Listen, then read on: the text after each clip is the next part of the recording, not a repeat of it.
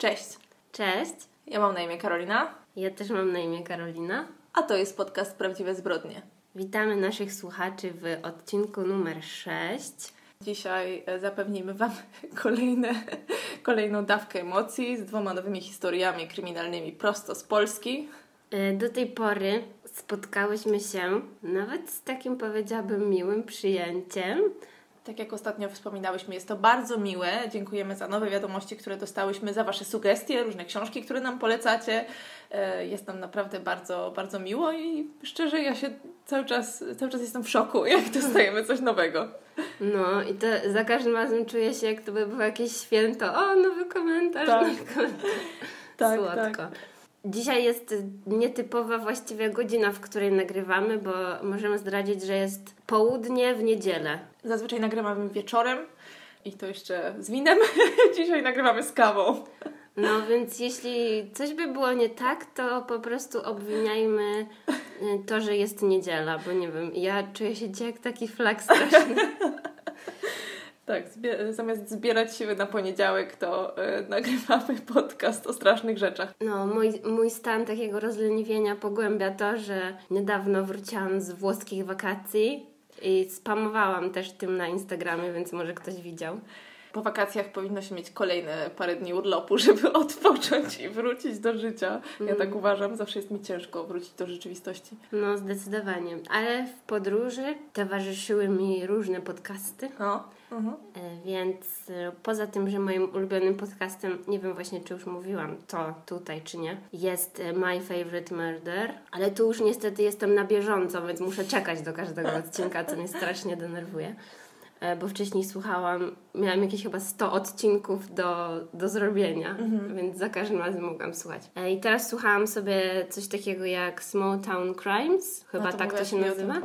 No i tam naprawdę kolesie, oni po prostu, oni to dopiero rechoczą. Niektórzy, niektórzy ludzie piszą nam, że my za bardzo rechoczemy, ale posłuchajcie sobie Small Town y, Crimes, czy jakoś Small Town coś tam w Nie każdym wiem, czy w razie. Polsce by się przyjęło takie podejście. e, No, właśnie widzisz, ja myślę, że my tutaj przecieramy szlaki po prostu. Nie można być za bardzo poprawnym. Dokładnie. To co, czy już y, koniec cheat chatu? Tak mi się wydaje. Ja nie mam nic do powiedzenia. Mój tydzień był absolutnie normalny. Był krótszy, z czego dosyć się cieszyłam. Miał No. tylko 4 dni, więc e, dzisiaj ty zaczynasz. Ja zaczynam. Jesteś gotowa?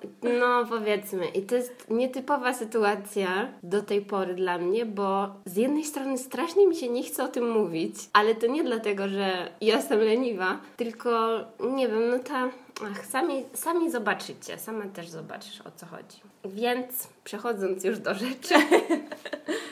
13 grudnia 2014 roku, czyli chyba najświeższa sprawa, jaką nam się tutaj, jaka nam się tutaj zdarzyła. E, Dwa ciała zostały znalezione.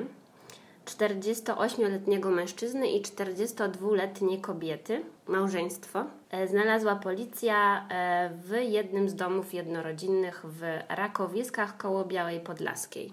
E, Do zdarzenia doszło właśnie na takim spokojnym osiedlu domków jednorodzinnych i co zaniepokoiło, sąsiad zgłosił na policję, że dziwne jest to, że drzwi są cały czas otwarte do tego domu, a swoją drogą przed... Na oścież, tak? Tak, a swoją drogą przed, y, przed drzwiami wejściowymi była wielka plama krwi. O, to, to, to mniej dziwne niż drzwi otwarte na oścież. E, Więc śledztwo zostało bardzo dokładnie opisane przez y, Dziennik Wschodni, taka gazetka. Y, Ja tam się cofnęłam w ich archiwum właśnie do 2014 roku i tam właściwie potem w tamtym czasie codziennie praktycznie jakieś tam newsy wrzucali. Potem już tak raz w miesiącu. No i no, dopóki nie zostało to wszystko rozwiązane. Do tego znalazłam informację, że już chyba była premiera odcinku poświęconego tej zbrodni w programie Polskie Zabójczynie, który jest emitowany właśnie na tym kanale Crime Investigation, który jest chyba Polsatu. I jeśli ktoś wie, jak To jest do to tego... Polsat CI, o którym rozmawiałyśmy już. No. A, CI, Crime Investigation. No. To ma sens. Więc ja tam obczaiłam ich stronę i w ogóle nie rozumiem, jak do tego się dostać online. Chyba nie ma takiej opcji. No, a szczerze powiedziawszy, znam praktycznie zero osób, które miałyby coś takiego jak Polsat cyfrowy, czy coś, nie wiem. Więc nie wiem, jak do, do tego kanału można dojść. Jak ktoś ma jakiś pomysł, to możecie nam powiedzieć, bo z tego co patrzyłam, to oni tam mają naprawdę no, teoretycznie bardzo ciekawe sprawy. Mhm. E, I robią jakieś, niby do tej sprawy miały być właśnie jakieś kulisy zbrodni i tak dalej, więc brzmi to interesująco, ale niestety nie, nie widziałam tego. Dobra, więc ja mogę powiedzieć, że ja dokładnie pamiętam tą sprawę z 2014 roku, bo ona była mega głośna. Wydaje mi się, że jak powiem coś więcej, to też sobie przypomnisz. I chciałabym nie aż tak bardzo skupiać się na tych sprawcach, bo wydaje mi się, że no po pierwsze oni na to nie zasługują, a po drugie no tak jakby im o to chodziło, tak jakby im o jakiś tam rozgłos chodziło, więc nie chciałabym się do tego przyczyniać, ale z drugiej strony będę o tym mówić, więc takie... Czyli to jest o tych nastolatkach? Tak. O kurwa. No. Więc już Karolina rozwikłała moją, moją tutaj Nie, zagadkę. bo policzy 2014, dwa ciała, plama krwi, od razu mi się to skojarzyło. No. E, Była to bardzo sławna sprawa, natomiast bardzo długa, interesująca i chora. No, skoro już wszyscy wiedzą o co chodzi, to już nie muszę dłużej ukrywać. No więc oficjalnie to był Jerzy, pułkownik Straży Granicznej i Agnieszka, która była nauczycielką. Trzy godziny po, po tym, jak policja stawiła się na tej scenie zbrodni, odnaleziono ich syna, czyli 18-letniego Kamila. Bardzo szybko zajęło jemu przyznanie się do winy, więc okazało się, że jak pewnie już też pamiętacie wszyscy, y, mordercami jego rodziców był on oraz jego dziewczyna Zuzanna. Y, Od razu też przyznali się do tego, że morderstwo zaplanowali y, dwa tygodnie temu. Mówili coś o tym, że oglądali filmy, ale ja strasznie nie chciałabym wchodzić w to, że oni oglądali filmy i się tym zainspirowali, bo to jest po prostu taka bzdura. nie. No nie wiem, co ty o tym myślisz, ale gadanie, że, że za dużo jest przemocy i agresji w telewizji i tak dalej i to może inspirować kogoś do popełnienia zbrodni, no nie wiem, to jest, brzmi to jak takie dziwne usprawiedliwienie i obwinianie naszej kultury, że wiesz, tak samo jak było z tym oskurowaniem, że to niby milczenie owiec, no. No do mnie takie tłumaczenie też nie trafia, zwłaszcza w tej sytuacji. E, To już byli dorośli ludzie, jakby na to nie patrzeć, to nie No. ciężko, żeby, żeby 18-latek tłumaczył się tym, że film go zainspirował. To już powinien być człowiek, który sam myśli i, i no, bez chęci na pewno by e, nic go nie zainspirowało do zabicia rodziców. No, dokładnie. Podobno motywami tej zbrodni było to, że rodzice nie akceptowali ich związku. Mm, No i oni sobie wymyślili, że jeśli zabiją ich rodziców, no to wezmą ten spadek i będą sobie żyć z ich pieniędzy długo i szczęśliwie. E, A swoją. Czy rodzice byli zamożni? E, No tak, tak. Byli, byli zamożni.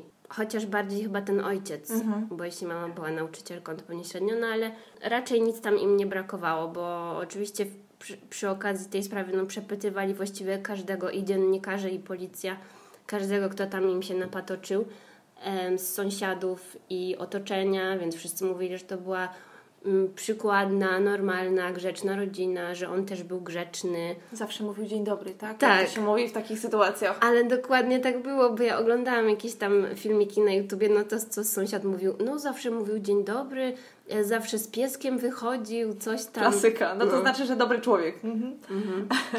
Jak mówi dzień dobry, no. A, swoją drogą jeszcze miałam tutaj dodać, nie wyszedł im ten plan spadku, poza tym, że zostali złapani przez policję i wsadzeni do więzienia. Oczywiście. to plan spadku by też nie wyszedł, bo sąd w takiej sytuacji może uznać kogoś niegodnego tego spadku. I tak też się wydarzyło w jego przypadku, chociaż to już wybieganie trochę w przyszłość, ale na szczęście, no bo jakby on wyszedł z więzienia, to teoretycznie mógłby mieć dostęp do tych pieniędzy swoich rodziców, a to by był jakiś absurd, no nie? Tak, to już by było, była przesada. No, więc teraz Wam pokrótce opowiem, jak wyglądał ich cały plan. Tak jak mówiłam, te dwa tygodnie wcześniej Zuzanna skontaktowała się z takim swoim e, znajomym Marcinem. E, poprosiła go, żeby za 10 tysięcy przewiózł z Warszawy do Krakowa e, właśnie ją i jej chłopaka, tego Kamila, bo ona tam miała jechać oczywiście na promocję e, tomiku swojej poezji czy, czy coś takiego. Za 10 tysięcy z Warszawy do Krakowa? Tak, no to trochę zadziwiająca kwota, ale podobno ona mówiła, że na tym tomiku ma zamiar zarobić dużo pieniędzy, więc y, da mu 10 tysięcy. A to nawet jakby taksówkę wzięła, to chyba by mniej zapłaciła. No nie wiem. No ale chodziło o to, żeby oni jechali z, konkretnie z Warszawy do Krakowa, bo to chyba jest po prostu po drodze, ta miejscowość ich. Więc y, 12 grudnia parka młodych zabójców pojechała pociągiem do Warszawy i ona już wtedy miała ze sobą dwa noże. Podobno każdy był z ostrzem o długości 15 cm. E, oni, nie wiem w ogóle, czy takie głupoty na ich temat opowiadać, no ale jest tam w jednym z artykułów napisane, że oni w złotych tarasach szukali płaszczy przeciwdeszczowych, podobnie jak z jakiegoś tam filmu, e, bo chyba wyobrazili sobie, że będą po prostu zarzynać ich nożami i będą mieć płaszcz przeciwdeszczowy, który ochroni ich przed poplamieniem się krwią. Wiesz, najbardziej mnie teraz zastanawia, jak wyglądały ich rozmowy na ten temat. Czy oni umawiali się, się po południu po szkole i planowali, gdzie pójdą po płaszcz przeciwdeszczowy? Boże, nie mam straszne. pojęcia. No. Nie mam pojęcia, ale ich wyobraźnia musiała być tak po prostu rozbujana, że, że szok. No ale tych płaszczy niestety nie znaleźli, więc kupili e, bardzo dużo gumowych rękawiczek. Chcieli się oprzeć tymi rękawiczkami. nie wiem, może właśnie się z nimi obkleić, nie wiem.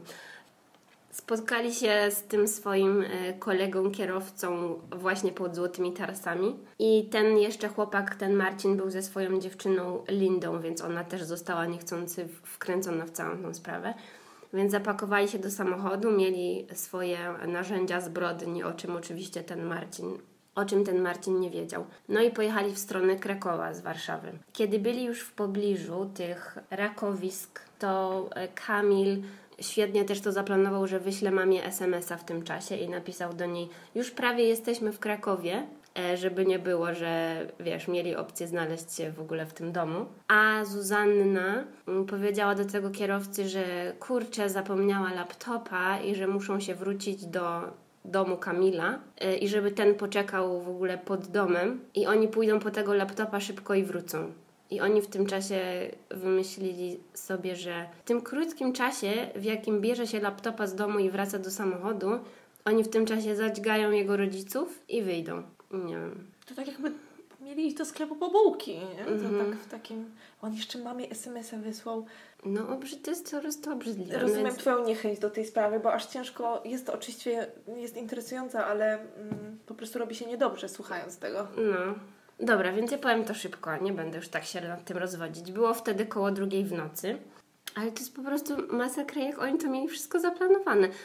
Mieli w tym samochodzie rzeczy na przebranie, te noże, więc oni wzięli to z bagażnika, poszli w krzaki się niby przebrać, poszli do domu. A ten kolega co? No, nie widział widocznie. Nie wiem, to jest też jakby ich tam udział w tym jest bardzo dziwny.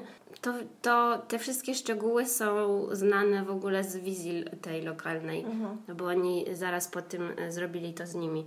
Oni opowiadali wszystko na temat tego, naprawdę, więc ja nie wiem, czy to dlatego, że oni mają, mieli po 18 lat i nie byli jeszcze wystarczająco ogarnięci, czy po prostu chcieli, żeby wszyscy wiedzieli o tym. No ale to temat na dyskusję. Weszli do domu, zdjęli buty, wiedzieli, że o drugiej w nocy rodzice będą spać. Zastanawiali się też podobno po drodze, czy mama będzie spać na kanapie, czy mama będzie spać z ojcem w łóżku. No i wtedy poszli do sypialni, no i wiadomo, co tam zrobili. A Oni zaskoczyli tych rodziców? Czy oni spali? Czy... No właśnie chodzi o to, że ci rodzice spali. To jest po prostu masakra. Oni, im, oni tam zadali im po kilkanaście ciosów, tam była szamotanina. Aha. Czyli Najpierw rodzice zobaczyli, co ich synek Tak, a no to nie, to jeszcze ci powiem, że oni najpierw się ustawili tak, że ten Kamil, okazało się, że Kamil jest przy matce, a on nie chciał zabijać matki chyba, więc zamienili się stronami. Więc Kamil zaczął dźgać swojego ojca, e, a tamta e, matkę, e, więc ojciec na pewno był większej postury niż oni, więc zaczął się tam z nimi szamotać. E, W tym czasie matka e, no też dostała tam mm, tym nożem, ale jej udało się uciec. Mhm. Tylko trochę, uciec z sypialni. Oni ją gonili i gdzieś tam chyba ktoś przez przypadek e, chyba włączył światło, więc nagle właściwie wszyscy się obudzili i wiesz, ocknęli. Więc jak ten ojciec zobaczył, co się dzieje, to się rzucił na tą Zuzannę, w tym czasie ta matka uciekła, potem oni tą matkę gonili, potem zadawali, wiesz, więcej tych ciosów nożami, potem ciągnęli to ciało tej matki z powrotem do domu. W trakcie tej szamotaniny ta Zuzanna ugryzła tego ojca w rękę i bo też się z nim szarpała, więc potem zastanawiali się, co zrobić z tym, że ona go ugryzła, więc tam będą ślady jej DNA, więc próbowali mu obciąć tą rękę, ale się nie udało. Ja nie wiem w końcu, co oni tam, już nie, nieistotne, co oni z tym zrobili, ale wiesz, oni się zastanawiali nad wszystkim dokładnie. To jest najgorsze. No bo gdyby to, była, to był jakiś szał, psychoza i w ogóle cokolwiek... Efekt, nie, no tak, jakby po prostu zwariowali. Czy tak, to oni jedno... nie zwracali uwagi na to, co robią, a oni wszystko mieli bardzo dokładnie przemyślane. Wstrząsające, naprawdę. Nie mówię, że jak ktoś chodzi i seryjnie zabija, to, to jest mniej wstrząsające, tylko tutaj planowanie zabicia, własną matkę, po prostu jakieś i tyle, ile oni w to włożyli y, pracy, żeby to mhm. w ogóle zaplanować, to jest wszystko to trwało na tyle długo, że to już nie wyglądało jak pójście po laptopa do domu, więc ten ich kolega, który czekał w samochodzie, zaczął się niecierpliwić i w końcu odjechali. No ale potem chyba się tam zdzwonili, no i tamta dziewczyna namówiła ich, żeby z powrotem wrócili, no ale zobaczyli, że mają e, zakrwawione ubrania, to znaczy nie na sobie, oni mhm. je spakowali do torby, ale ten kierowca w końcu zobaczył, że w tej torbie mają jakieś zakrwawione ubrania. Z tego, co oni potem zeznali, ta Zuzanna i Kamil powiedzieli temu swojemu koledze kierowcy o zabójstwie. Ona stwierdziła, że jak wezmą pieniądze z ubezpieczenia, to zapłacą temu Marcinowi za milczenie. Ale wiesz w ogóle jak no zero jakiejś większej perspektywy. To nie jest takie proste, zabijasz kogoś, dostajesz pieniądze z ubezpieczenia. Zwłaszcza jak robisz jadkę w domu. No, głupie dzieciaki. No, więc ja nie wiem. Ten chłopak Marcin był bardzo zły, że go wciągnęli w coś takiego, ale zażądał więcej pieniędzy od nich, więc tak jakby chciał się z nimi dogadać. No. Ja już nie pamiętam dokładnie, jak to jest mieć 18 lat, ale zastanawiam się, czy. Co, co musiał mieć w głowie ten Marcin? Ten y, Marcin, w sensie ten kierowca tak. samochodu, tak. on miał 20. Aha, to, to jeszcze gorzej właściwie. Masakra. Chciałam go tłumaczyć jakąś, nie wiem, głupotą, naiwnością, że może im nie wierzył, że oni to zrobili, może myślał, że to zmyślili, ale no z drugiej strony był dowód w postaci zakrwawionych ubrań. Chciałam jakoś go wytłumaczyć, ale... No. Nie, nie. A teraz jeszcze y, przypomniały mi się szczegóły, że ta Zuzanna zaoferowała mu 50 tysięcy, on zażądał od niej 100 tysięcy, więc ona się zgodziła. A jak dojechali do Krakowa, to Marcin powiedział to wszystko swojej dziewczynie, czyli tej, która też była pasażerką samochodu. Razem stwierdzili, że muszą zażądać od nich więcej pieniędzy, czyli po 200 tysięcy na osobę za ryzyko o oskarżenie o współudział. No to w tym momencie już jakby wszelkie opcje na wyczyszczenie jakby ich imion tak. trochę sobie raczej popsuli. Też myślałam może, że ewentualnie tak teraz jak opowiadałaś o tym, że ewentualnie, jeżeli on widział, że oni mają noże, właśnie zabili jego rodziców, no, to może się bał i grał na zwłokę jakby, ale jak potem jeszcze świetnie sobie przeanalizował to ze swoją dziewczyną, która swoją drogą, może co za typka. Nie no, oni po prostu w tamtej sytuacji powinni zadzwonić na policję. Znaczy może nie w tamtej sytuacji, bo może wtedy by się bali, no nie? No tak, dlatego Ale właśnie... Ale może, bo w dalszym ciągu plan był taki, że jadą do Krakowa, żeby ona mogła wziąć udział w tym swoim tam evencie poetyckim. Więc w momencie, kiedy by wysadzili ich z samochodu, no to powinni od razu zadzwonić na policję Oczywiście. i wtedy mogliby się wytłumaczyć, że o, baliśmy się, coś tam, coś tam. No tak, oni tak. tak nie zrobili. Ale niedługo zajęło policji znalezienie ich, wszystko było wiadome, więc ta Zuzanna nie zdążyła na swój wieczorek literacki, bo już zgarnęła ich policja. I teraz y, co wiemy na temat tych y, dzieciaków? Tak jak już mówiłam, ten y, Kamila ojciec był funkcjonariuszem Straży Granicznej i miał stopień pułkownika. Jak się chyba ma stopień pułkownika, to się ma sporo pieniędzy. Chyba kimś ważnym jest. No. Mhm. A jego mama uczyła rosyjskiego. No i tyle wiadomo na jego temat, że był takim cichym, spokojnym chłopakiem. E, z kolei o tej Zuzannie niestety wiadomo znacznie więcej, bo ona była internetową personą, ale to też już nie wiem, czy jest sens o tym gadać. Ona mieszkała z matką tylko, bo jej ojciec zmarł kilka lat temu. No i ciekawe jest to, że była bardzo dobrą uczennicą. No i chyba wszyscy wiedzą, którzy słyszeli o tej sprawie, że ona uważała się za poetkę. Mhm. bo ja nawet pamiętam, że jak to wszystko wyszło, to jakoś moi znajomi o tym mówili, ja też to sprawdzałam, w ogóle wszyscy, Dużo się o wszyscy tym o tym mówiło, gadali, tak. te jej profile w internecie, te jej wiersze, to wszystko było takie, nie wiem czy wszyscy zrozumieją jak powiem, że ona była po prostu tak typowo emo. Tak typowo że słuchała Joy Division, oglądała jakieś tam smutne filmy, pisała wiersze, nie wiem, pewnie wiesz, robiła takie wszystkie typowe rzeczy, które robi taka smutna, zbuntowana nastolatka, a z drugiej strony no było coś w niej więcej takiego gorszego, gorszego Boże, mm, takiego jakby to powiedzieć, zepsutego. Zepsutego. Zepsutego, To było dokładnie. niezaplanowane. Um, ale to brzmi jak ktoś, kto y, za wszelką cenę chce zdobyć y, atencję, w sensie Tak, uwagę. Atencję. Tak. Attention whore. Mhm. Nie, Można powiedzieć ładniej attention hog. Oni zostali poddani bardzo dokładnym badaniom psychiatrycznym. Och, nie dziwię się po czymś takim. Mhm. Tą Zuzannę bardzo szybko przebadali, znaczy się w standardowym czasie, bo oni ich zabrali do jakichś ośrodków różnych i tam spędzili kilka tygodni, czy też tam, nie wiem, jakieś dwa miesiące, coś koło tego. Mm, Więc w przypadku Kamila prosili o przedłużenie tych testów, bo nie mogli chyba tak łatwo go rozgryźć. Więc co do tej Zuzanny, to ci biegli mówili, że brakowało jej wzorca w postaci mężczyzny, czy też y, ojca, co nie wiem, czy jest takim dobrą tezą w przypadku badania kogoś, no bo co to ma za, za, za znaczenie? No to warunkuje może Ciebie trochę jako osobę, ale, ale czy też warunkuje, ma wpływ. Natomiast nie jest to żadnym wytłumaczeniem na to, że się robi takie rzeczy. Ile jest normalnych osób, którzy nie mają pełnych rodzin i radzą sobie absolutnie dobrze i są... y, Znaczy gdzieś tam też czytałam, że, mm, że podobno właśnie jej matka była taka ostra w stosunku do niej, że jak była młodsza, to tylko kazała jej chodzić do szkoły i na jakieś tam treningi, bo ona była bardzo dobra w piłkę nożną Mhm. e, i nie wiem, może myślała, że będzie z tego jakaś kariera czy coś, nie wiem. Em, Więc ona była i perfekcyjna w szkole, i, i poza lekcjami, no i nie miała za bardzo czasu, ale wiadomo, że jak się dziecko trzyma pod kloszem, no to, no to w którymś momencie ono i tak ucieknie, no nie?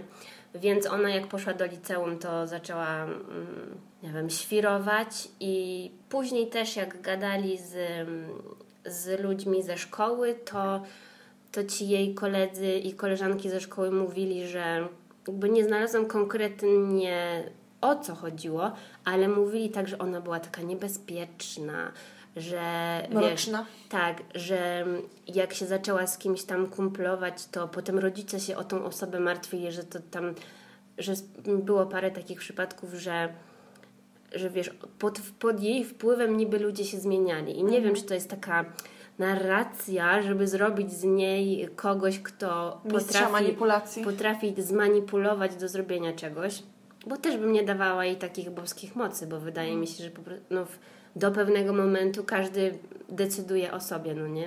Mm, No dobra, ale wracając do, do tych ich badań, to mówili o niej psychiatrzy, że ma skłonność do przedstawiania siebie i swojego funkcjonowania w o wiele lepszym świetle niż w rzeczywistości. E, No i to też na pewno wiązało się z tym jej kreowaniem wizerunku w internecie. Jeden cytat, jaki pojawia się z wypowiedzi psychiatrów, to jest to, że dla niej mężczyzna jako taki ma mniejsze znaczenie, może być traktowany gorzej, musi zasłużyć na akceptację. I tak ocenili ją biegli. Ale nie mam pojęcia, skąd oni coś takiego mogli wyciągnąć. I też mi się wydaje, że to, że to było spowodowane tym, że chcieli w jakiś sposób tego Kamila usprawiedliwić, żeby większą winę zwalić na nią, tak mi się wydaje. Co do jej zaburzeń psychicznych, to mówili, że ma. No, ale e, wiesz, sami z siebie by nie chcieli zwalić na nią większej winy. No coś musiało w niej takiego być, no, no, bo... no, nie, no tak, jasne. Więc mówili, że ma narcystyczne i antyspołeczne cechy osobowości, skłonności do agresji, niski poziom empatii, brak poczucia winy i niezdolność do przeżywania emocji. Więc tak naprawdę zebrać to wszystko do kupy, to to są takie cechy bardzo mocno sprzyjające morderstwu jakiemuś. krzywdzeniu, tak. No i y, trzy czwarte z tej listy pasuje do większości spraw, które omawiałyśmy w przeszłości, więc Tak, ale też nie wiem na jaką, na jaką skalę, no bo jeśli ktoś ma narcystyczne i antyspołeczne cechy osobowości, to to właściwie nic nie znaczy. To są Ale tylko to cechy, cechy osobowości, no. Ale ten niski poziom empatii to myślę, że jest kluczowe, jeśli chodzi o jakiegokolwiek mordercę. A z kolei jeśli chodzi o tego Kamila, to oni się najbardziej zastanawiali nad tym, czy u niego znajdą cechy osobowości zależnej. Wtedy mógłby łatwiej się poddawać, ale nie znaleźli nic takiego. No i stwierdzili, że podczas popełniania zbrodni byli w pełni poczytalni, co oznaczało, że mogą zasługiwać na surowszą karę przez to, że nie byli pod żadnym wpływem ani wiesz, nic takiego.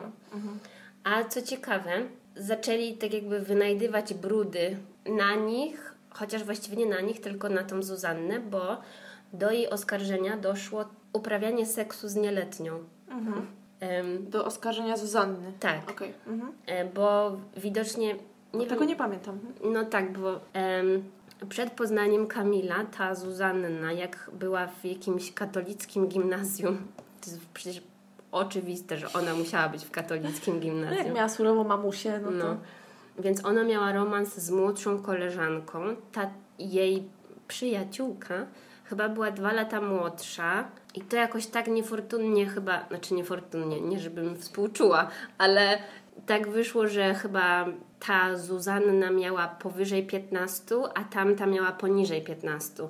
A to jest chyba w Polsce taki wiek, w którym no, nie można tak jakby, wiesz, Wiesz, relacji. mieć żadnych relacji seksualnych.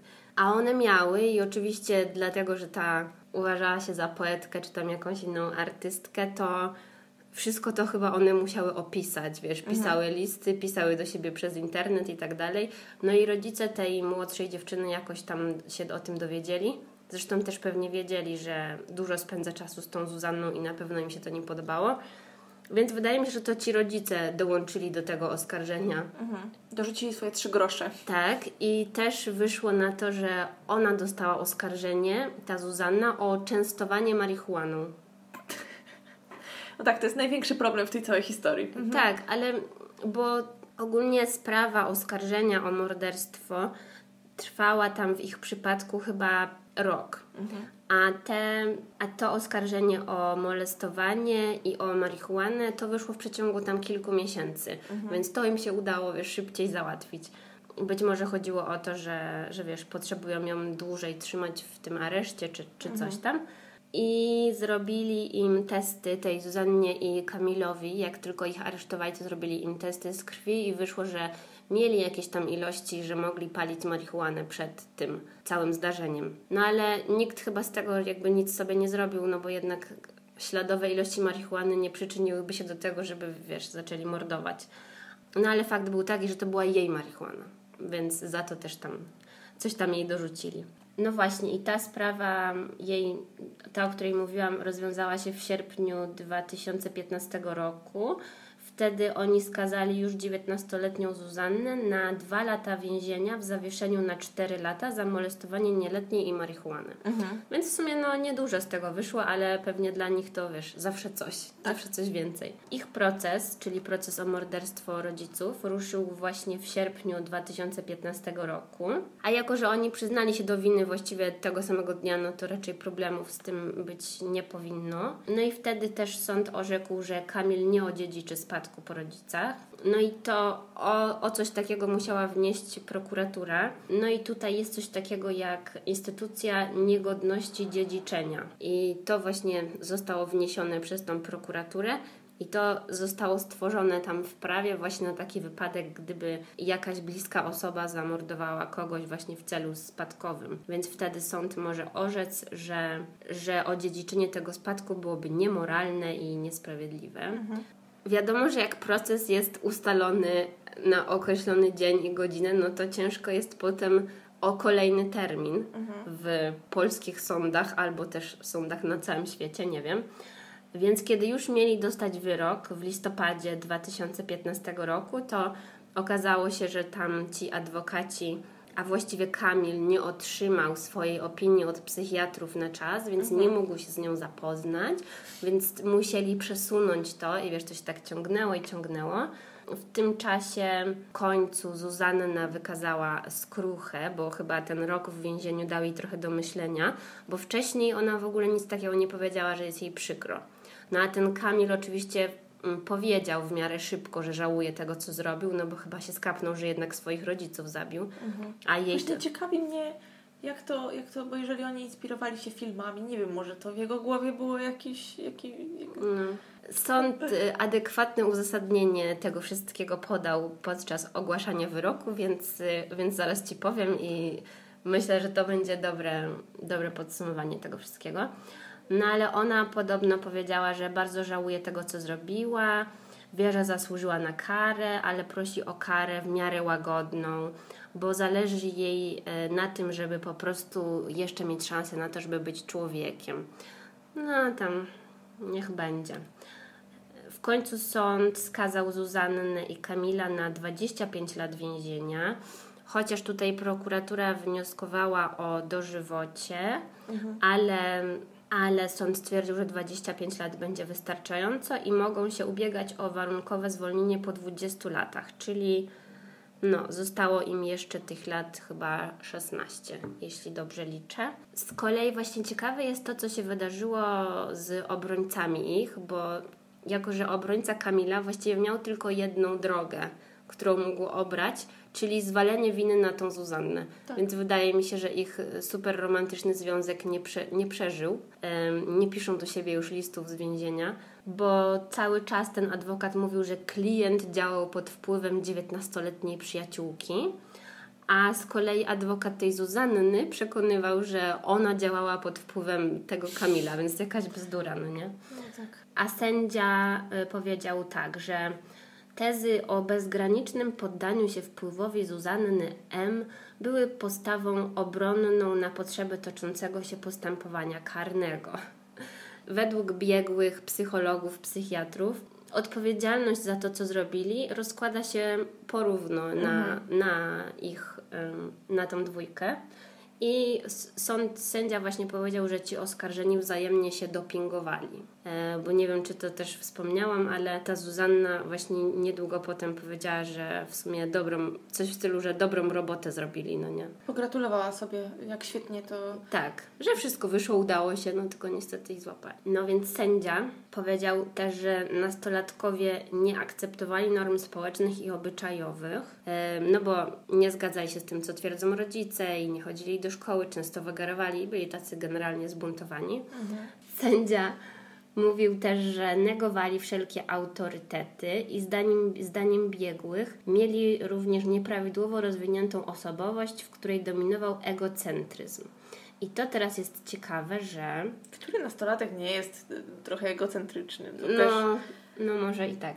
Ale on twierdzi, że mieli bardzo silną potrzebę akceptacji i nie otrzymywali tej akceptacji w swojej rodzinie i nie otrzymywali w środowisku swoich rówieśników, ale dawali sobie tą akceptację wzajemnie. E, dlatego tak bardzo byli sobie potrzebni i być może to doprowadziło do tego, że wyszła ze strony rodziców jakaś groźba, że nie możesz się z nią spotykać. I oni tą groźbę wzięli tak poważnie, że stwierdzili, że jedyną szansą na ich bycie razem i wzajemne adorowanie się będzie po prostu pozbycie się tych rodziców, no nie? A jest coś więcej y, na temat relacji Kamila z rodzicami? Bo jest tutaj, y, powiedziałaś, że aha, Nie. bo to jest też, zastanawia mnie, czy oni rzeczywiście byli tacy straszni dla niego, czy... Nie wiem, jakby to można było wytłumaczyć, bo To znaczy, nie, nie mówię, że nawet jakby byli straszni, w sensie zabranialiby mu różnych rzeczy, nie wiem, kazaliby mu się uczyć, to w żaden sposób oczywiście nie jest żadną okolicznością łagodzącą.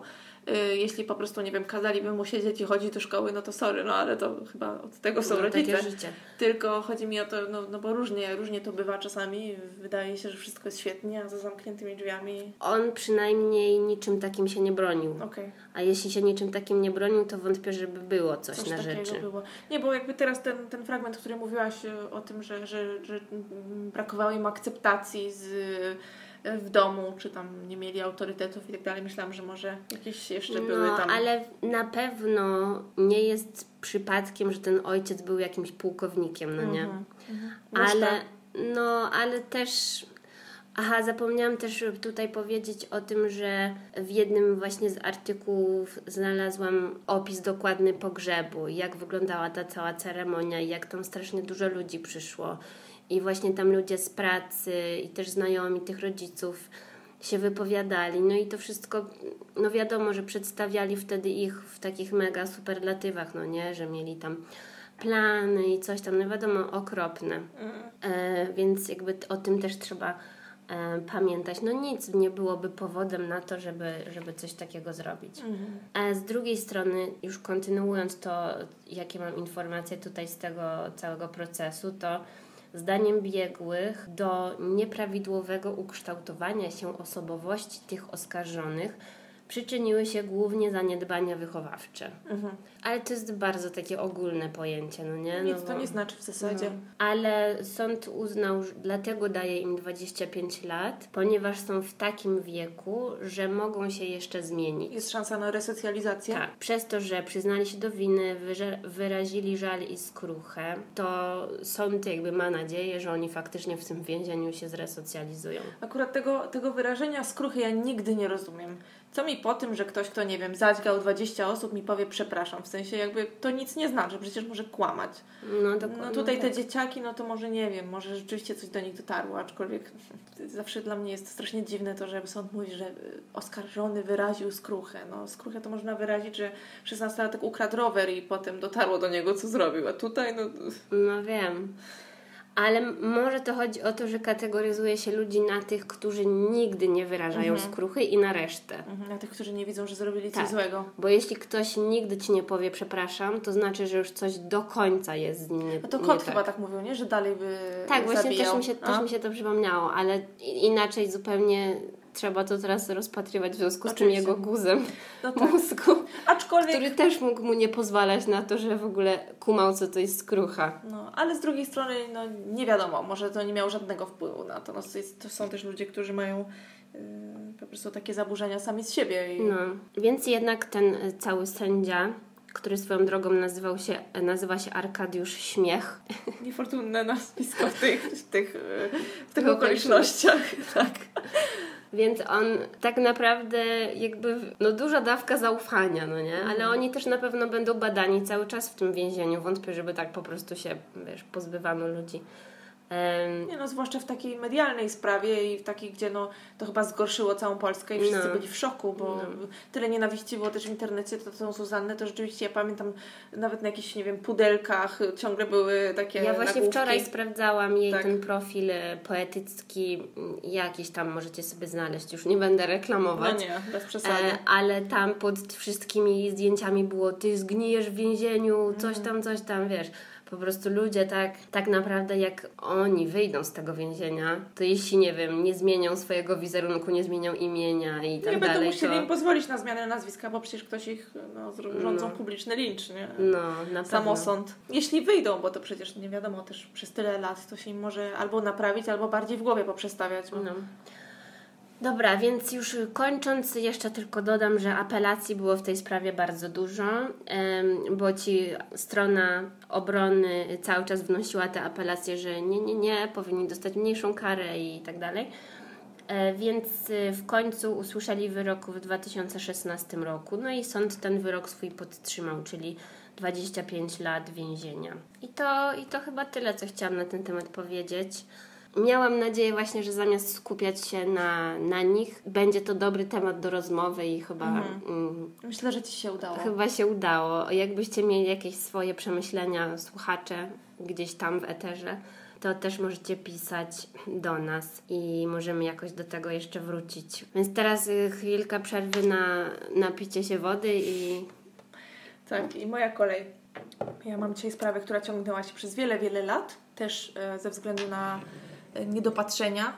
Cofniemy się do roku 2002 do e, Lisewa Malborskiego. Co? E, Lisów Malborski, tak się nazywał. E, okay. Tak się nazywa ta miejscowość. Nie znam takiej miejscowości. To jest gdzieś nad morzem, w okolicach e, Gdańska, z tego co zrozumiałam. Kobieta przejeżdżająca drogą zobaczyła porzucony rower. Myślała, że e, zdarzył się wypadek, że ktoś potrącił rowerzystę, e, no i uciekł. Jak to niestety często się zdarza, to chyba była jakaś ruchliwa droga. Kilka e, metrów obok roweru znalazła chłopca. Był to dziesięcioletni Marcin. Mhm. Niestety. Po kilkudziesięciu godzinach, aha, okazało się, że to było zabójstwo, nie potrącenie. Chłopiec e, został e, ugodzony nożem w brzuch, w pierś, a poza tym miał jeszcze e, nóż wbity w szyję. Mm, po kilkudziesięciu godzinach od, od tego zabójstwa prokuratura, policja wytypowała winnego. Był to e, mieszkający niedaleko, w jakiejś wsi obok, Tomasz Kołaczewski i był on niepełnosprawny umysłowo. Wziął na siebie winę za to zabójstwo, choć jego tłumaczenia były dosyć nieścisłe. Nie bardzo wiedział, jakby jaką bronią, czy też jakim, jakim narzędziem zbrodni to było, to było wykonane. Y, średnio się zgadzało jego tłumaczenie co do zadawania ran i tak dalej. Nawet znaleźli się świadkowie, którzy dawali mu alibi. Natomiast no, zabójstwo dziecka jest tak straszne. Y, nie mówię, że inne nie jest, no ale wiadomo, że to zawsze opinię publiczną porusza jeszcze bardziej, mhm. że no wymiar sprawiedliwości, no cóż, no znaleźli sobie jakieś uzasadnienie, jakoś sobie tam to prokurator poprowadził tak sprytnie, no bo nie było żadnych materiałów dowodowych, nie było narzędzia zbrodni, nie było niczego poza ofiarą i jakimś biednym panem y, niepełnosprawnym umysłowo, który się przyznał do winy. Dlaczego się przyznał? No ciężko powiedzieć, natomiast była to osoba, która, jak, jak potem mówili biegli, nie do końca była w stanie y, zdawać sobie sprawę z konsekwencji działań, jakie podejmuje. Czyli mhm. jeżeli znalazł się w sytuacji, w której, nie wiem, oskarżają, krzyczą, nie wiem, ktoś jest może w stosunku do niego jakoś tam słownie agresywny, no to po prostu wziął się, przyznał, no a że nie zdawał sobie, określili go jako osobę, która nie zdaje sobie sprawy z konsekwencji swoich czynów, no to świetny kozioł ofiarny, prawda? Żeby... No właśnie tak to brzmi, jakby no, szukali tylko kozła ofiarnego. E, dokładnie. Proces bardzo szybko się odbył i skazali go na 15 lat pozbawienia wolności. E, a nie na jakiś tam szpital? Nie, nie. Został skazany za zabójstwo tego Marcina e, dla, dla, na 15 lat pozbawienia wolności. Um, A wiesz, jaka była jego niepełnosprawność? E, szczerze mówiąc, nie jest tylko wszędzie napisane, że był po prostu umysłowo e, A, niepełnosprawny. Taki... Opóźniony. Mhm. Tak, tak, to, tak, tak też właśnie opóźniony lub niepełnosprawny umysłowo. Takimi się posługiwano e, mhm, określeniami. Okay. Trzy lata później, w 2005 roku, w Łęgowie ginie kolejny chłopiec, 11-letni Sebastian, więc znowu bardzo mały, bardzo młody, bardzo młody, młody chłopiec. Sebastian siedział nad rzeką, e, łowił ryby, e, nie miał wędki i robił to przy pomocy kawałka deski z żyłką i haczykiem. I podchodzi do niego pan, zaczyna mu gratulować sprytu jaki mhm. jest sprytny, że takie sobie tutaj um, urządzenie zbudował. No i ten sam pan, który pogratulował Sebastianowi świetnego sprzętu wędkarskiego, który sam zrobił, e, wskazał mu e, jakiś taki rozpadający się dziwny budynek e, niedaleko tej rzeki, w którym byli. Mm, no i chłopiec e, postanowił pójść z tym panem popatrzeć na ten budynek. No nie, no nigdy właśnie. tego nie rób. Tuż po tym, jak, jak weszli do tych ruin, chyba mogę to tak nazwać, mężczyzna rzucił się na chłopca, zdarł z niego górne części ubrania, jakąś tam koszulkę, bluzę, nie wiem. E, Sebastian zaczął krzyczeć, więc e, ten mężczyzna, który go zaatakował, e, jakby zatkał mu usta, żeby, żeby nie krzyczał. Usiadł na nim, jakoś tam go przytrzymał kolanem, no i ten chłopiec coś tam próbował się szarpać, no ale z racji tego, że nie miał jak oddychać, po prostu stracił przytomność. Mężczyzna się przestraszył, stwierdził, że dziecko na pewno go rozpozna, no jak się obudzi, powie o tym, co się stało, wie jak wygląda, więc wyciągnął z plecaka nóż Mm, chyba myśliwski, i y, ugodził tego biednego chłopca kilkanaście razy. Żeby było tego mało, wziął drugi nóż, który miał, bo miał przy sobie dwa noże, jeden myśliwski, taki duży, jeden kuchenny. Wziął drugi nóż i jeszcze dla pewności podciął y, chłopcu gardło. Y, wybiegł z tego budynku, Natomiast na całe szczęście, znaczy na całe szczęście, no, już zauważył go rolnik, który gdzieś tam nieopodal y, robił coś, traktorem jeździł i rolnik zobaczył, że z budynku wybiega w pośpiechu y, mężczyzna z długimi włosami, związanymi w kitkę, chyba tam z brodą. No więc od razu rolnik zorientował się, że coś jest nie tak. Wbiegł do tego budynku i zobaczył niestety ciało chłopca, które no, można sobie wyobrazić po zadaniu kilkunastu ciosów nożem i poderżnięciu gardła y, było Ale strasznie co z tymi nożami? Ja nie wiem, cały czas ostatnio te noże. Czy to jest naprawdę ulubione narzędzie zbrodni?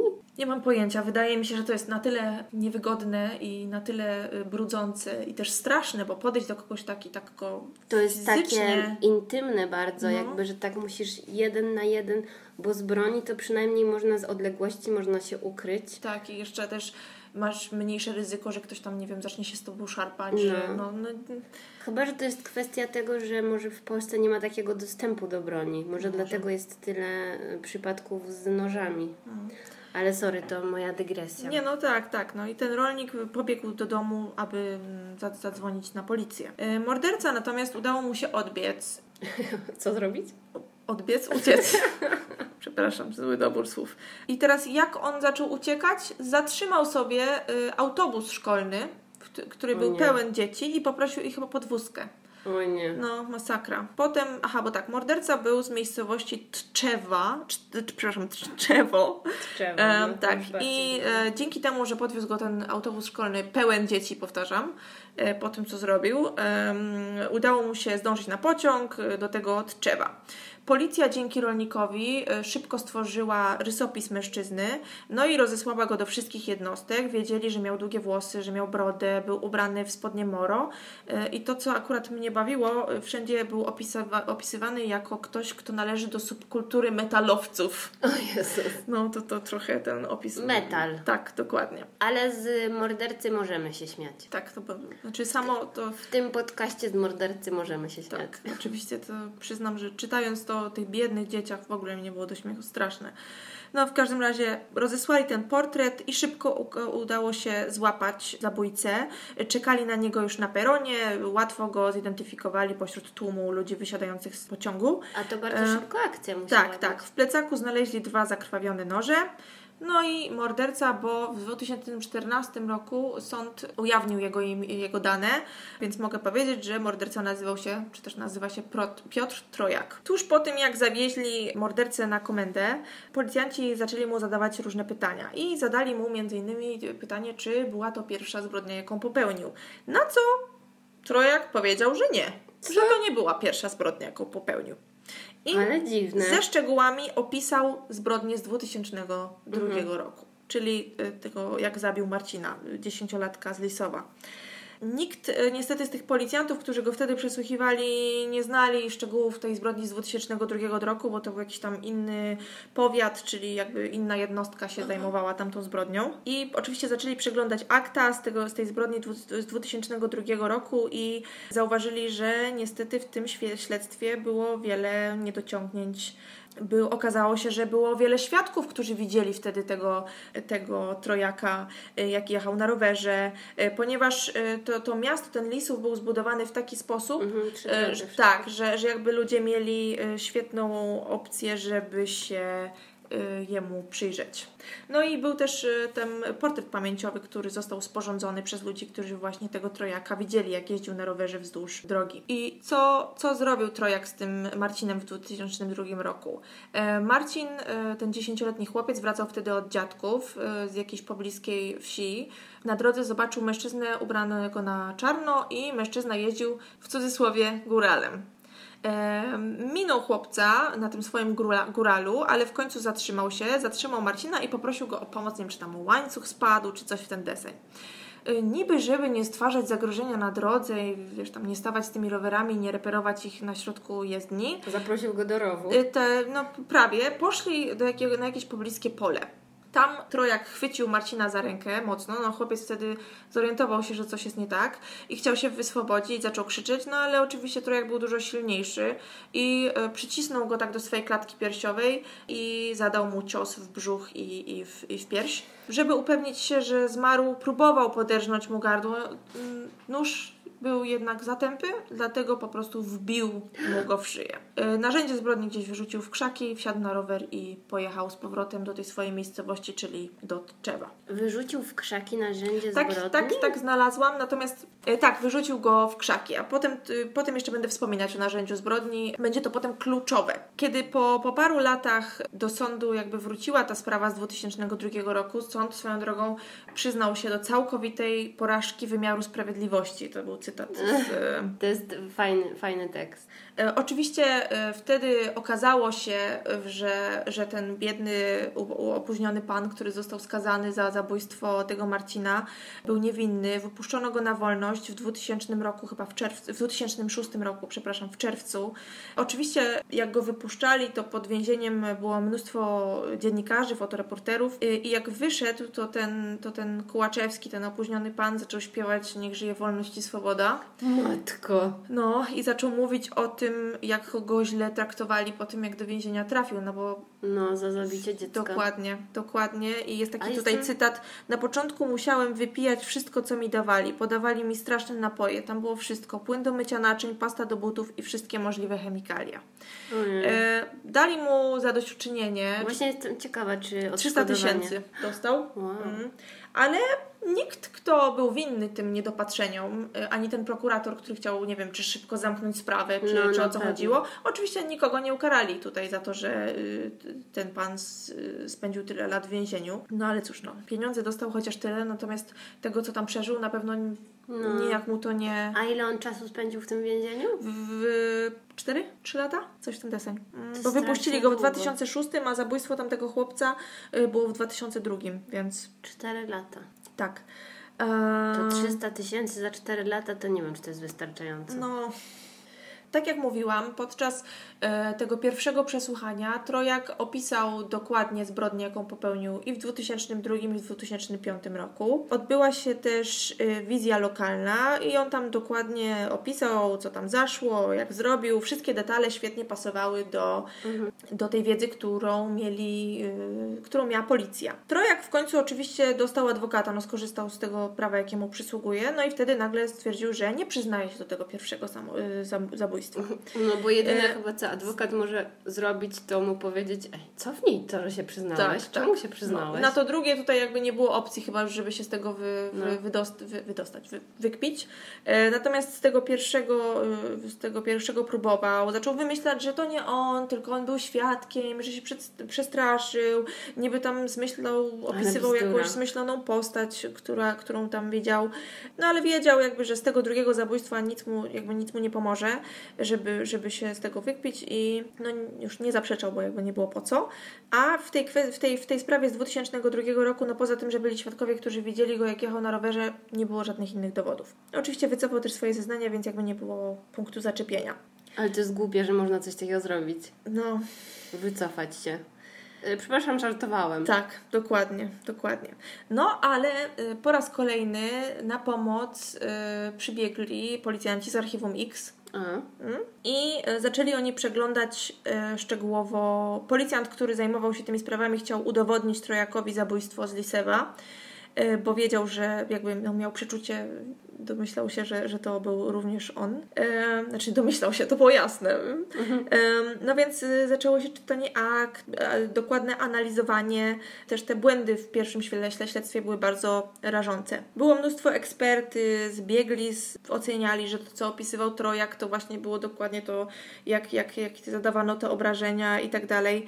Oczywiście Trojak został skazany już za, na dożywocie za zabójstwo 11-latka em, z, z 2005 roku. E, No, ale dalej trwała praca tych policjantów z archiwum X, tych, śled, archiwum X, tych śledczych, żeby udowodnić Trojakowi również e, to pierwsze morderstwo z 2002 roku. Niestety, po tym jak skazano tego pana upośledzonego, tego, tego niepełnosprawnego umysłowo, y, dowody y, z pierwszego zabójstwa, czyli to, to, to, to narzędzie zbrodni, które wyrzucił w krzaki Trojak i rower, zostały zniszczone. Nóż, były jakieś tam jego zdjęcia, nóż, który wyrzucił w krzaki, y, natomiast rower oddano rodzicom, a ojciec, no z racji tego, że przypominało to o traumatycznych zdarzeniach, zniszczył ten rower. aha. Ojciec tego chłopca, który został zabity w 2002. Nóż zniszczono, nie wiadomo dlaczego, w ogóle sąd wydał Ale to jest strasznie dziwne, bo rozumiem, że tego zwolnili pana, Mhm. ale nie mieli tego drugiego w więzieniu. Więc jakim prawem pozbyli się dowodów, skoro nie było jeszcze przyklepane? Ale oni że... się pozbyli po tym, jak tam tego, tego niepełnosprawnego zamknęli. Aha, okej. No, no, dlatego jakby był problem. Aha, dobra, już rozumiem. Podczas pierwszego przesłuchania, w któ- pod, y, kiedy Trojak przyznał się do tego zabójstwa z 2002, szczegółowo opisał narzędzie zbrodni, tak jak już mówiłam. Było to duże ostrze i na rękojeści, która była z takich dwóch deseczek, był owinięty sznurek. I y, Trojak mówił, jak zeznawał, że na tym sznurku były jakieś kawałki zaprawy murarskiej, czy coś takiego, taki gips chyba e, zaschnięty. No i te ci detektywi z archiwum X, e, z racji tego, że był zniszczony, że, że zniszczono ten nóż, znaleźli zdjęcie tego noża, z, maksymalnie jak tylko się dało, powiększyli to zdjęcie, ale jeden z policjantów, który oryginalnie się zajmował tą sprawą, przypomniał sobie, w sensie tą sprawą z 2005, czyli tym drugim zabójstwem, za które Trojak już był skazany, uczestniczył w przeszukaniu domu Trojaka. Swoją drogą był to jakiś specyficzny budynek, w którym był, który był połączony z takim wiatrakiem, takim w stylu holenderskim, jakby, że w domu, część Co? domu to był wiatrak. No, taki wiesz, no tak jak są na filmach, mi się kojarzy czasami, że są takie, No. no, nieważne. E, Był tam, na, był tam na, na przeszukaniu i znaleźli, czy też widział, pamiętał, że podobna linka była u Trojaka w domu i wisiała na tarasie, jako sznurek na pranie. Poza tym, więc, więc co zrobili? Powołali biegłego z zakresu, uwaga, mechanoskopii. I mechanoskopia to jest technika śledcza polegająca na e, badaniu śladów pozostawionych przez narzędzia użyte w zbrodni. O. E, Z racji tego, że każde narzędzie zbrodni pozostawia niepowtarzalne ślady. No, na przykład Okej. każdy, każdy nóż nie będzie taki sam, bo z powodu użytkowania i nie wiem, produkcji i tak dalej, może mieć tam różne skazy, wygięcia i w ogóle. No i używa się w tym różne techniki mikroskopowe. I oczywiście to jest dużo sz- szersza kwestia, ja nie jestem specjalistką, ale można sobie zgograć. Mechanoskopia się to nazywa. Więc po- powołali tego, tego biegłego, dali zdjęcie tego noża, którym zabito Marcina, na którym była dokładnie widać e, tą linkę, a linkę z jego domu rozłożono na części pierwsze. Biegły e, wydał taką opinię, że splot, y, wszystkie cechy ogólnie tych linek, tej linki, którą miał do badania, odpowiada temu dowodowi ze zdjęcia. Czyli, że to musi być ta sama linka, że kolor jest ten sam i w ogóle. I że był to kolejny jakby punkt e, zaczepienia dla śledczych. Mhm. To bardzo sprytny ten detektyw, że tak zapamiętał jakąś linkę. Tak, tak. I jakby tutaj też to pokazywało, że ten Kołaczewski był absolutnie niewinny, bo on nie miał żadnego pojęcia o tym narzędziu zbrodni, ten, ten upośledzony pan. No. I też nie potrafił określić, jak, jak zabijał to, tego chłopca. Nie, Więc, nie, mi się no. wydaje, że to w ogóle przesłuchanie to musiał być jakiś dramat. Oni No. mu powiedzieli wszystko i przyznaj się. Wiesz co, na jakimś, w jakimś artykule z jakiejś gazety pomorskiej czy jakiejś innej znalazłam taki cytat, tylko że ten artykuł był napisany tak beznadziejnie, że ciężko mi go się w ogóle czytało. I nie... Ale był tam taki cytat o tym, że jakby to mówił właśnie ten upośledzony pan, ten opóźniony, że było mu zimno, nie wiem czy kazali mu się rozbierać, czy coś takiego, czy kurtkę mu zabrali, czy bluzę i było mu zimno i się go pytali, więc jakby u niego w głowie Chciał iść do domu. tak, żeby nie było już mu zimno, no to pewnie powiedział to, co chcieli, jeżeli to jest prawda w ogóle. Mhm, mhm. Mm, y, I takie właśnie tam było, no no jakby te opinie biegłych na temat tego, tego pana jakby wskazywały na to, że tak właśnie on by się zachował w takiej sytuacji, No, że Jemu pewnie można było wszystko wcisnąć, żeby się przyznał, on by powiedział biedny okej, strasznie, No. no naprawdę bardzo przykre. Takiego kozła ofiarnego sobie znaleźli. Poza tym, jeszcze jak zaczęli w ogóle policjanci z archiwum Mix, to oczywiście stwierdzili, że może Trojak przyznał się komuś w areszcie śledczym do tego, co zrobił. Jak go złapali za to zabójstwo w 2005 Mhm. mm, i najpierw powiedział, że owszem, popełnił jeszcze zbrodnię w 2002, no potem był w areszcie, nawet no, no też wiadomo, że w międzyczasie z, odwołał te swoje zeznania, ale może komuś się przyznał z tych osób, który, z którymi siedział. Przesłuchano ponoć ze 100 osób, ze 100 facetów e, i że trzech z nich zeznało, że Trojek opowiadał im o dwóch zabójstwach. Oczywiście nie był to żaden super dowód, który No przeważyłby o sprawie, ale dawało im to nadzieję, że znajdą więcej e, błędów i jakby dzięki temu też ci, ci z archiwum Mix, dzięki tym zeznaniom tych więźniów też może wiedzieli czego szukać i jak dalej postępować. No niestety, tak jak już mówiłam, e, naj, najważniejsza rzecz, czyli narzędzie zbrodni zniknęło, czyli żadne badania DNA, tego typu rzeczy nie wchodziły w grę, no ale kolejnym, e, kolejnym elementem w tym, w tym śledztwie była analiza czasu, jaki był potrzebny na to, żeby Trojak w 2002 zabił e, tego chłopca. I policjanci wykonali eksperyment. Wzięli rowery i pojechali pojechali na miejsce zbrodni tym, tymi rowerami, dokładnie przebyli tą drogę z relacji świadków yy, i tak dalej, ponieważ tak, Trojak był widziany w Lisewie około 15 i 30 minut później, jak wracał sobie rowerem do tego swojego Tczewa. Więc policjanci wzięli dwa rowery i dwa razy takim średnim tempem, jakby się jechało normalnie rowerem, pojechali w tej z powrotem i okazało się, że dokładnie by mu tyle czasu wystarczyło mhm. na to, żeby tą zbrodnię popełnić. No i jakby też y, pomogło im to w ostatecznym wykluczeniu tego, że y, ta wersja Trojaka, którą, na którą zmienił, czyli że on był świadkiem tego pierwszego zabójstwa, że coś tam, było to niemożliwe, żeby mógł kogoś spotkać, czy też było bardzo mało prawdopodobne. Ostatnim dowodem była opinia Krakowskiego Instytutu Ekspertyz Sądowych. Psycholodzy, opierając się o różne zeznania y, ludzi, których znał Trojak z jego środowiska i z różnych innych informacji, które y, prokuratura miała, określili, że w 100% ta sama popełniła, ta sama osoba popełniła obie zbrodnie. Mhm. Taką, taką wydali y, ekspertyzę. Działania, tych, te, te, wszystkie działania detektywów, na pewno tych szczegółów było dużo więcej, jakby nie ma ich wszystkich tak opisanych niestety, y, ale dało to prokuraturze możliwość, żeby natychmiast wydała polecenie o, o przedstawieniu zarzutów za to zabójstwo z 2005 roku. Z racji tego, że Trojak był już w więzieniu za zabójstwo z 2005, pojechali po niego do, do więzienia i konwojem go tam zabrali, w kajdanach oczywiście i tak dalej, do prokuratury okręgowej w Gdańsku. Wydawał się ponoć absolutnie przeciętnym, niczym nie wyróżniającym się mężczyzną. No, poza nie tym, wyglądał metalem. Tak, nie wyglądał groźnie. Nie możesz, miał wtedy krótkie włosy, nie? Bo, no. Ale e, nic nie mówił przez całą drogę, ale no chyba już wiedział o co chodzi. E, natomiast nie przyznawał się dalej do zabójstwa, które popełnił już wtedy 10 lat wcześniej. No, bo no. adwokat mu powiedział, żeby tak. się nie przyznawał. Oczywiście tam zrobili wszystko, co robią standardowo, czyli znowu odciski. Yy, aha, i poddali go też badaniu wariografem. Yy, nic z tego nie wyniknęło, odwieźli go do więzienia. Natomiast po dwóch tygodniach Trojak sam napisał do prokuratury list co? i poprosił o spotkanie, bo chce zeznawać. No i detektywi uznali, że może, no nie wiem, może coś mu, może coś go ruszyło, może zaczął żałować tego, co zrobił, ciężko powiedzieć. Albo, że podziała to łagodząco na jego, na jego mhm. karę. Chociaż drugie zabójstwo sobie dołoży, no nie wiem. I ponownie zawieziono go do prokuratury i teraz już przyznał się z powrotem, zeznał to samo, co zeznał na samym początku. Tak, sześć lat wcześniej, jak go, jak go oskarżali o to. Tak, mm, dokładnie. I na pytanie, skąd taki pomysł, żeby zabić dziecko, powiedział, że poczuł taką potrzebę, kiedy zobaczył tego Marcina, jak jedzie na rowerze z drugiej strony. Coś tam, znalazłam jakiś taki cytat, że był zafascynowany okultyzmem, ale że detektywi nie przywiązali do tego żadnej rewelacji. Biegli mm. natomiast rozpoznali u Trojaka pedofilskie skłonności, no problemy w określeniu orientacji seksualnej, osobowość nieprawidłową, cokolwiek to oznacza, no i że był takim sadystą, w sensie, że miał takie mm, pociągi tak, o skłonności do, do sadyzmu. I wydali tą opinię na podstawie tego drugiego zabójstwa z 2005 roku i on to zabójstwo dokonał, dokonał go, miał zamiar zgwałcić tego chłopca. No, oczywiście. Natomiast ochota mu przeszła. Stwierdzili, że był absolutnie poczytalny w obu przypadkach, dlatego też jakby dostał dożywocie i tutaj żadnych okoliczności łagodzących tych nie było. I teraz coś o tym panu. E, ten pan, który, który popełnił e, te dwa straszne, te dwie, dwa strasz, dwie straszne zbrodnie, był z jakiejś tam normalnej rodziny, niczym się nie wyróżniał.